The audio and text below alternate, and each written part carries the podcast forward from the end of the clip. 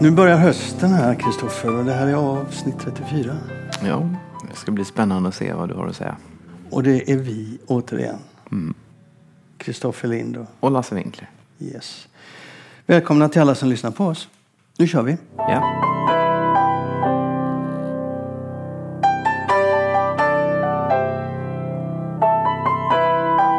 Vad händer på förlaget nu då? Nu är det ju den mest intensiva perioden under året. Du brukar alltid säga så här.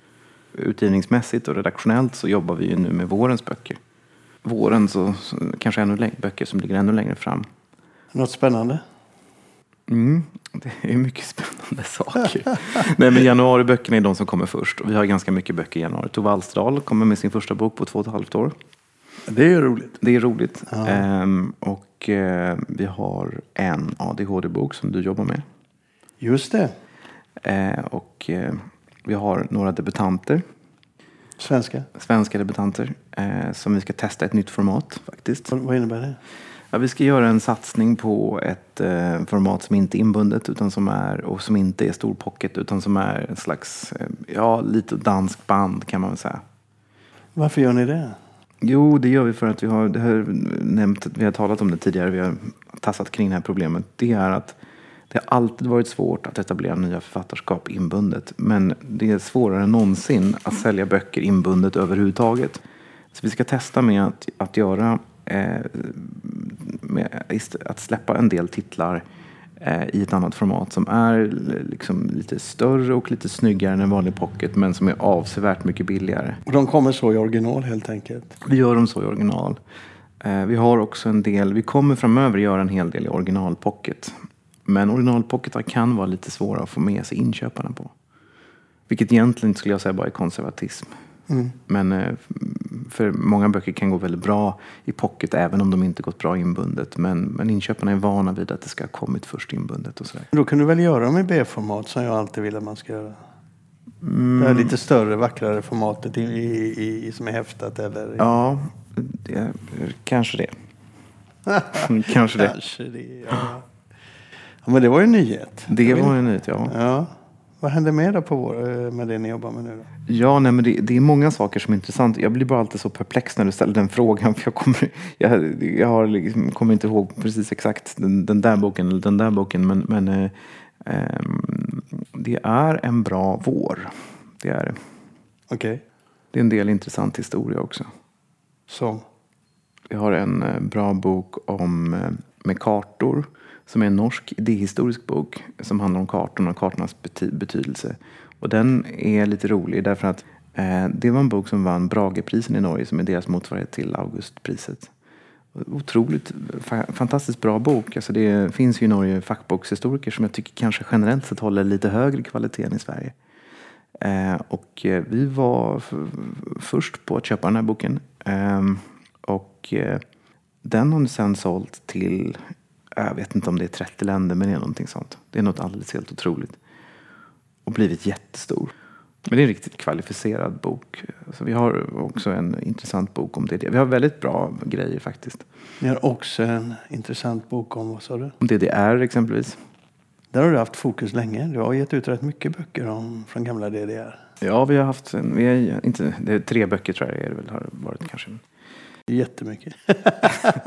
jag har annars en känsla att du rör dig i andra världskriget och du rör dig i, i, i gamla öst. Nej, men eh, jag rör mig i 1900-talet och det är väl eh, en kombination av eh, personliga intressen men också att man ändå, man ändå rör sig där, där vi står och där det finns det största intresset. Det är väldigt svårt att sälja äldre historia. Ja.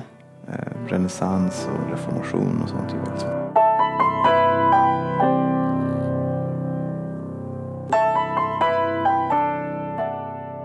Nu när vi ska sätta oss ner här så kom du med en idé som vi måste prata om. Eller idé, det hände plötsligt. Ja, Tidningarna det kom en eh, nyhetsflash här, breaking news. Yes.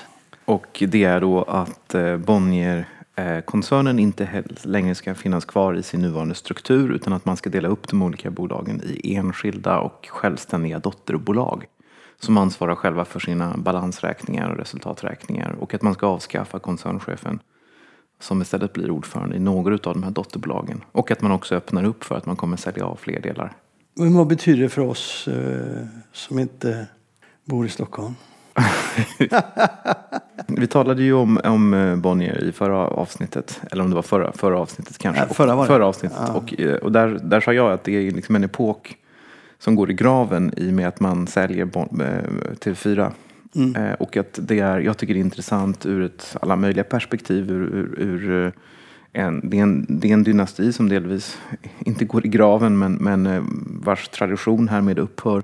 Men det är också ett, ett nytt medielandskap. Vi kommer få se fler försäljningar och nu händer det här då. Så det, är ju som, det här blir som en katalysator i den här processen. Eh, det kommer nog innebära att alla de olika delarna inom Bonnier kanske kommer köra lite mer sitt eget race. Det kommer vara olika, eh, olika strategier. Någon av de här delarna kommer försvinna ytterligare. Det är helt klart att det blir fler, fler köp eller försäljningar. Och det tror jag kommer kanske inte konkret på kort sikt påverka oss överhuvudtaget. Men på sikt så tror jag att det kommer, kommer bli en annan, kommer bli en, en annan stämning. Men jag tror också att det kan finnas mycket positivt i det här.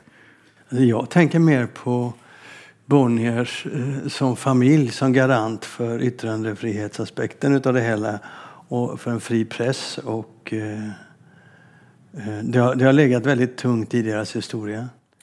Det har legat väldigt tungt i deras historia och de har förvaltat den historien och det arvet med en väldigt stor trovärdighet. Men just, just på den här punkten kan jag ändå se att det kan finnas något positivt. Eh, därför att Bonnier har ägt lite för mycket inom lite för många områden. Och det brukar man oftast ha, inte kanske så mycket yttrandefrihetsaspekter på som utan mer marknadsdominansaspekter. Men det är klart att det finns ju frågor där eh, det är liksom å ena sidan har du haft SVT och å andra sidan har du haft Bonnier-koncernen. Att det, att det här kan ändå innebära att det blir flera fria röster. Om, du, om man, exempelvis skulle sälja news till en stor utländsk aktör, då får du ytterligare en annan stor medieaktör i Sverige. Och det tror inte jag är negativt för yttrandefriheten. Men vilken tröst. Det där brukar ofta bli att man byter pest mot kolera. Så som ägandet ser ut internationellt. Men det var vi också inne på sist, att det sa väl också Fransén, som numera inte då ska vara koncernchef, att man eh, i samband med försäljningen av TV4 gärna använder pengarna till att förstärka bokdivisionen. Och han sa ju uttryckligen att man skulle kunna tänka sig att köpa förlag i Tyskland. Eh, Så att just på bokdivisionen så tror jag inte det här kommer påverka så mycket. Vad sa din hemliga källa nu då? Min hemliga källa. Ja, jag hörde faktiskt av mig till honom eh, och han sa att det här har man talat om i flera år. Att man ska dela upp eh, bolagen på det här sättet.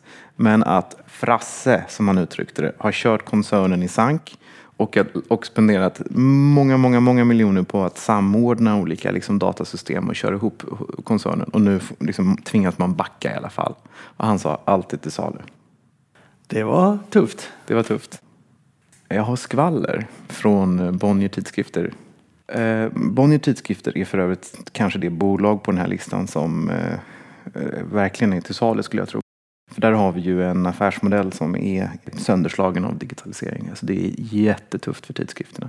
Vad som har hänt under våren är att de har haft enorma problem med sitt datasystem. De har bytt internt ett datasystem för hantering av prenumerationsregister. Och det här har inneburit att under en stor del av våren så har inte avier, förnyelseavier skickats ut. Och det, Stackars. ja, eh, och det här var liksom en jättestor grej när det upptäcktes. Och man tänkte att nu ska vi rätta till och sådär. Men det har liksom fortsatt. Och det vad jag har hört på sistone är att det, det, har, det har fortsatt in i sommaren. Och problemet är att det finns ingen backup på de här eh, förnyelserna som då inte har blivit förnyade. Så man vet inte vilka som inte har förnyat. Och den siffra jag har hört, det är att 15 procent av alla prenumeranter inom alla tidningar har man tappat. Va? Ja. På eh, Sköna Hem har drabbats hårdast. De har tappat 22 000 prenumeranter enligt mina, mina källor. Och det här är då det enda som de talar om på Bonnier tidskrifter. Eh, de har slagit ihop alla, de sitter i ett stort öppet kontorslandskap som de kallar för Trälhavet.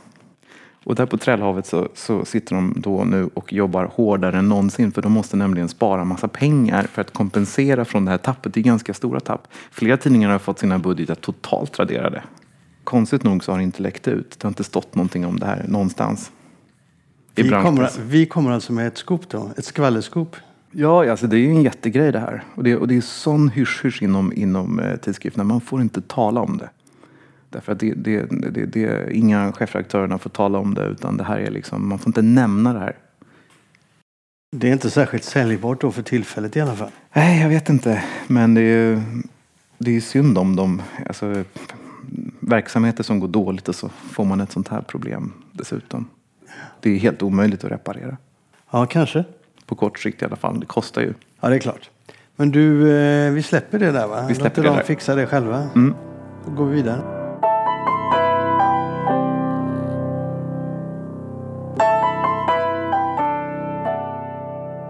Och då har vi en annan grej som du var sugen på att prata om. Och det var, eh, vi pratade vid något tillfälle du och jag om eh, det där med, eh, med kommentarer med författare. Alltså, till exempel på Storytel så Mm. kan man kommentera böckerna man har läst. Man kunde, det är nu borttaget. Varför det? Eh, ja, det har varit då författare som har var, varit väldigt eh, arga och upprörda över att de har fått så mycket negativ, negativ kritik. Och Dag Öhrlund har väl varit en av dem också som har, som har varit eh, mycket eh, irriterade på kommentarerna och uppfattat att de har blivit mobbade. Det finns flera saker som är intressant med detta. Men eh, eh, Storytel har alltså då tagit bort kommentatorsfunktionen sen ja, några veckor nu, kanske till och med en månad. Eh, och det intressanta tycker jag då är att på Starhotel så har man kunnat kommentera utan, alltså anonymt. Och då får man väldigt mycket skit. Medan på Bookbeat och Nextory så, så kommer namnet upp och då får man en helt annan typ av betydligt mer städade kommentarer. Men, eh, och det, det är ju intressant i sig, även om det kanske inte är så märkvärdigt. Men en, en sak som jag tycker är intressant är ju hur svårt, nästan omöjligt det är för oss på förlagen att dra några slutsatser om huruvida en bok är populär eller inte utifrån de här kommentarerna. Därför att? Därför att ju mer, man kan säga att alla böcker som är väldigt populära i streamingtjänsterna får väldigt mycket dåliga kommentarer. Ju mer eh, en bok är populär, desto större spridning på kommentarer. Och det kan vara då folk som skriver blä, usch, dålig, usel, orkar inte läsa, värdelös. Och så liksom skriver de sådana där saker. Och så kan det vara folk som skriver underbar, fantastisk. Och även inläsarna har ju fått väldigt mycket olika. Eh, och Sauki är så förfärlig och Sauki är underbar. Alltså även där har den då en enorm då liksom, eh, spridning. Jag vet ju genom åren hur det varit att om jag, nu gör inte jag det, men så att jag gjorde en, ett reportage med en viss slutning på, Mm. åt vänster, så får jag x antal människor som tycker att det är för jävla bra och y antal människor som tycker det är för jävla dåligt. Om jag gjorde en artikel tvärtom, till höger, så får jag x antal människor som tycker den är för jävla bra och y antal människor som tycker att det är för jävla dåligt. De är ungefär lika många. Mm. Och det, du kan inte läsa ut någonting av det Nej. hela. Nej. Det betyder ingenting. Nej. Jag har aldrig, aldrig någonsin Nej. brytt mig om det där. Nej. Men sen finns det en annan aspekt på det här som jag tycker är väldigt rolig, eller intressant, eller tragisk. Eh, som handlar om mänsklig läsarpsykologi. Och det är att eh, Dag Öhrlund då har ju mest känd för den här Sigrid Bjelke-serien. Och där släpptes i somras den sista boken i serien som är Kejsaren. Ja. Det är bok nummer nio. Och då så har det kommit kommentarer av slaget. eh, Sådana här har vi också fått skickade till oss faktiskt till förlaget. Eh, Fick ett sånt här på infomailen och då så skriver folk så här. Jag läste, jag har läst serien och redan vid bok tre så tyckte jag att den hade tappat allt. Vid bok fem så var det fullständigt meningslöst. Och bok nummer nio ska vi bara inte tala om. Vad tråkigt den personen måste ha haft Ja. när han läste. Ja, Men det, du, du har säkert hört folk, man har hört liknande kommentarer om 50 shades. Jag har hört folk som har sagt så här, alltså jag läste 50 shades och första boken, fy fan vad dålig var, så pinsam. Och bok två, ännu sämre. Bok tre, den är helt värdelös. Hur går det till? Nej, jag kan inte förklara det med någonting annat än att folk skäms över att de lyssnar på det. Eh, och tycker någonstans inte att det är kvalitet, men kan inte låta bli att lyssna på det. Vilket ju är en motsägelse, för det har ju någon slags kvalitet om man ändå fortsätter att lyssna. Underhållning eller vad du vill. Svår kritik att ta tycker jag. Jag tyckte dina, dina böcker är värdelösa. Redan bok tre var dålig och bok fem var ännu sämre. Bok nio var fruktansvärt dålig. Kan inte, man kan inte tolka det som något annat än att de har skrivit väldigt bra böcker som de fortsätter att läsa. Ja, men också, jag tycker det är oförskämt. Eller hur man nu ska uttrycka det. Jag tycker det är ovärdigt. Det är mycket ovärdigt.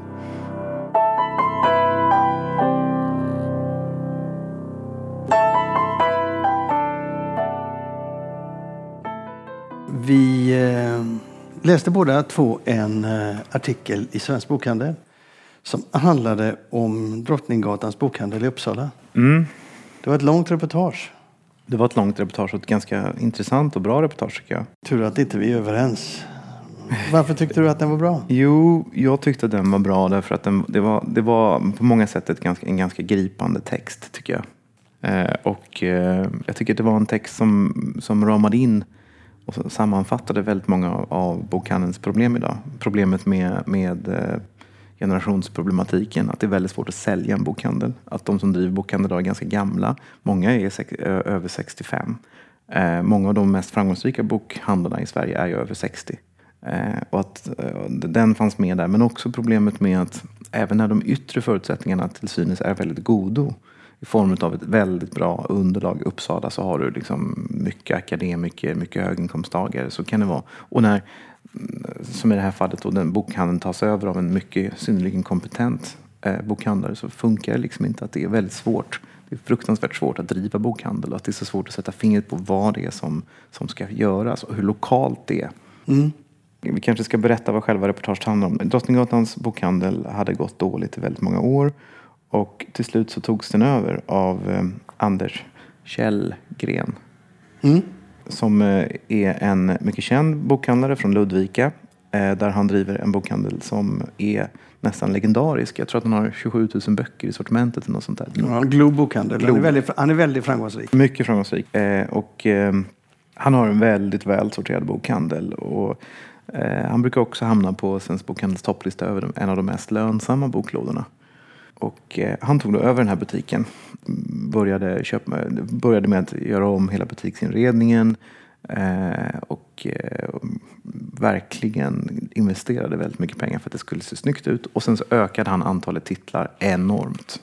Just för att det skulle bli den här bredden och att om folk gick till Akademibokhandeln och sökte en bok och den inte fanns där, då skulle den finnas hos dem och så vidare. Och han ökar alltså försäljningen ganska kraftigt med 20-30 procent. Men från, 20. med 20 procent, men från väldigt låga nivåer. Jag har en helt annan utgångspunkt när jag läser den artikeln. Jag tycker idén är jättebra. Och det är jättebra att han gjorde den.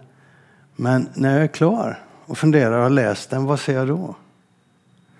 Jag ser inte alls det du ser. Jag ser... och Budskapet blir liksom, nej, bokhandel, det går inte. Det fungerar inte. Bokhandel ute. Alltså, om man tänker på vad han sa i slutet. Han var ju väldigt besviken och, och kände att han kanske har gjort sin dummaste affär i livet och så. Ja. Och så kände jag så här, men vänta lite nu. Det som störde mig, det var vad som inte sades. För när Anders köpte den butiken, och då kanske jag ska säga, jag ska inte sitta här på mina höga hästar för jag har inte haft bokhandel. Men det första jag tänkte när Anders köpte Drottninggatans bokhandel så tänkte jag, what the fuck? Varför köper han den? Den ligger helt fel. Den ligger i slutet av Drottninggatan där det är minst fottrafik. Och den ligger en bit in från gatan under, mellan pelare och så. Så den blir lite mörk. Och sen är det två plan. Och så, har, så är den, utan att nämna då, så har den då en ägare som har haft den sedan 2011 och misslyckats med det. Och den ägaren är kvar. Det är den ägaren som står och säljer. Och de två viktigaste sakerna du har, förutom... Ja, de tre viktigaste sakerna du har med en bokhandel, det är läget, det är personalen och det är eh, urvalet, karaktären du ger på en butik. Ingen av de frågorna ställdes i, i, i, eh, i artikeln. Nej. Och ingen kunde förklara för mig efteråt varför är Anders så oerhört framgångsrik i Ludvika men inte i Uppsala. Du menar att det, här, det är fel att dra allmänna slutsatser utifrån den här för att eh, läget är fel och personalen i butiken är fel. Ja. Och det kan inte Anders ändra på. Hur mycket- hur Nej, proffsig det som förvånar mig är att en sån rutinerad bokhandlare liksom gick på den så att säga. Att han inte tänkte, vänta lite nu, jag kanske ska förändra lite här mer. Med ett sånt läge har du väldigt svårt att kunna lyfta Ja, tillräckligt. jag har inte varit, det är möjligt att du har rätt. Och jag tänkte också tanken att, att eh, det var den gamla personalen som var kvar. De hade ju bevisligen misslyckats. Men då faller ju hela det här. Om, du, du har kanske rätt. Ja, för jag, jag kände Det ju finns att... inte så mycket mer att säga om det här. Nej, men jag kände det också att det där är viktigt när man gör sådana här artiklar. Så måste man kunna materialet och så måste man kunna analysera det tillräckligt så att vi andra som läser får en bra förståelse. Nu fick jag bara en eh, känsla av att vad tråkigt, då. han som är så bra bokhandlare här misslyckades. Det kanske inte går att öppna bokhandel idag. Och det är inte min uppfattning och jag tror inte på det. Om du tittar på andra bokhandlare i, i Uppsala som ju har det svårt överhuvudtaget då, va? Eh, Så, så har du då Uppsala English som är en fantastisk bokhandel som vinner priser internationellt. Det, det tog vi upp i Frankfurt då förra året. Eh, Alltså bli årets bokhandlare internationellt. Och går du in där så går du in, det är som att komma utifrån ett mörkt område in i ljuset. Och det är oerhört roligt och det är oerhört stimulerande att komma in i Uppsala English. Och den ligger på ett sånt sätt så att den har en bra flodtrafik. Men det är också en destinationsbokhandel. Folk känner till den, folk dras till den. Bra personal, bra urval. Oerhört spännande. Och det är, kan man nog säga, tvärtom med Drottninggatan. De gångerna jag har varit inne där så känner inte jag något sug överhuvudtaget. Och det där är en svår materia såklart när det gäller bokhandlare. Hur, varför dras du till en bokhandel? Vad stimulerar dig till att vilja köpa böcker? Och vad, vad stimulerar till att återkomma? Ja. Nej, men det, det, jag backar här. Eh, du har kanske rätt. Det kanske är så att man glömde ställa de här frågorna och att, att den här artikeln förmedlar en alldeles för negativ och mörk bild. Men vad jag tyckte var gripande med den, det var just att, att det är så svårt. Att det är så lätt, som vi ofta i podden och inte minst i förra avsnittet när vi talade om bokhandel, så lätt att sitta och säga hur man ska göra. Att det ska vara mer välsorterat eller att det ska se ut si och så. Och varför gör de inte så? Och så hade vi då ett exempel här där det faktiskt var en mycket kompetent och erfaren och och liksom duktig bokhandlare som på pappret också tjänar bra med pengar och som kommer in i en socioekonomiskt väldigt stark stad och, och liksom ändå inte lyckas. Att det, det, det är inte lätt. Det är inte lätt, utan det handlar just om de där grejerna. Och får du inte dem rätt så fungerar det inte.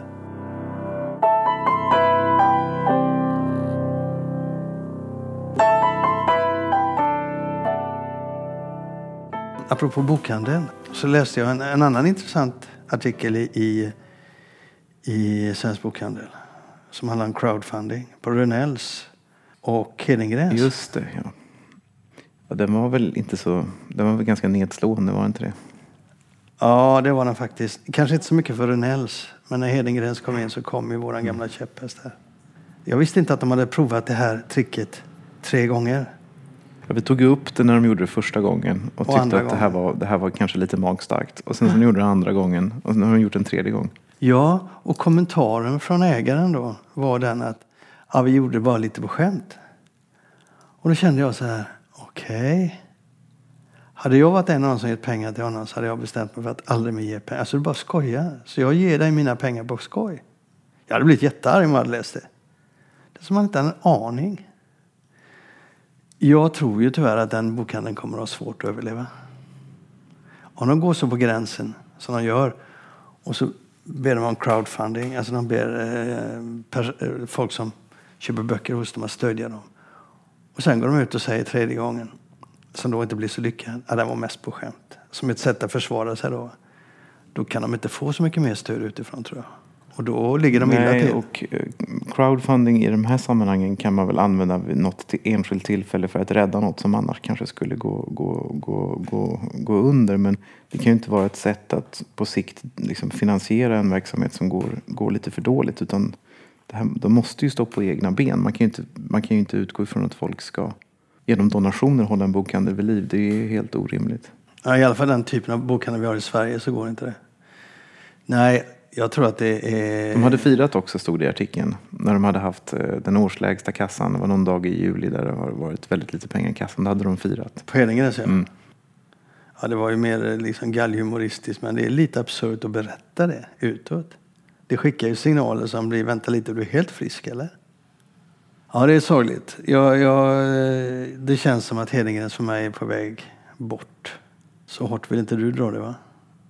Jag tror ju att ett företag som upprepade gånger går ut och ber folk att donera pengar och vid något tillfälle även säger att det hade varit bra om vi hade fått en miljon. Man hoppas ju att det ska komma en miljon. Det företaget har ju attitydproblem. Svårt att överleva. Jag kan inte se det, nej. Nej, Hedengrens har attitydproblem. Det tycker jag verkligen.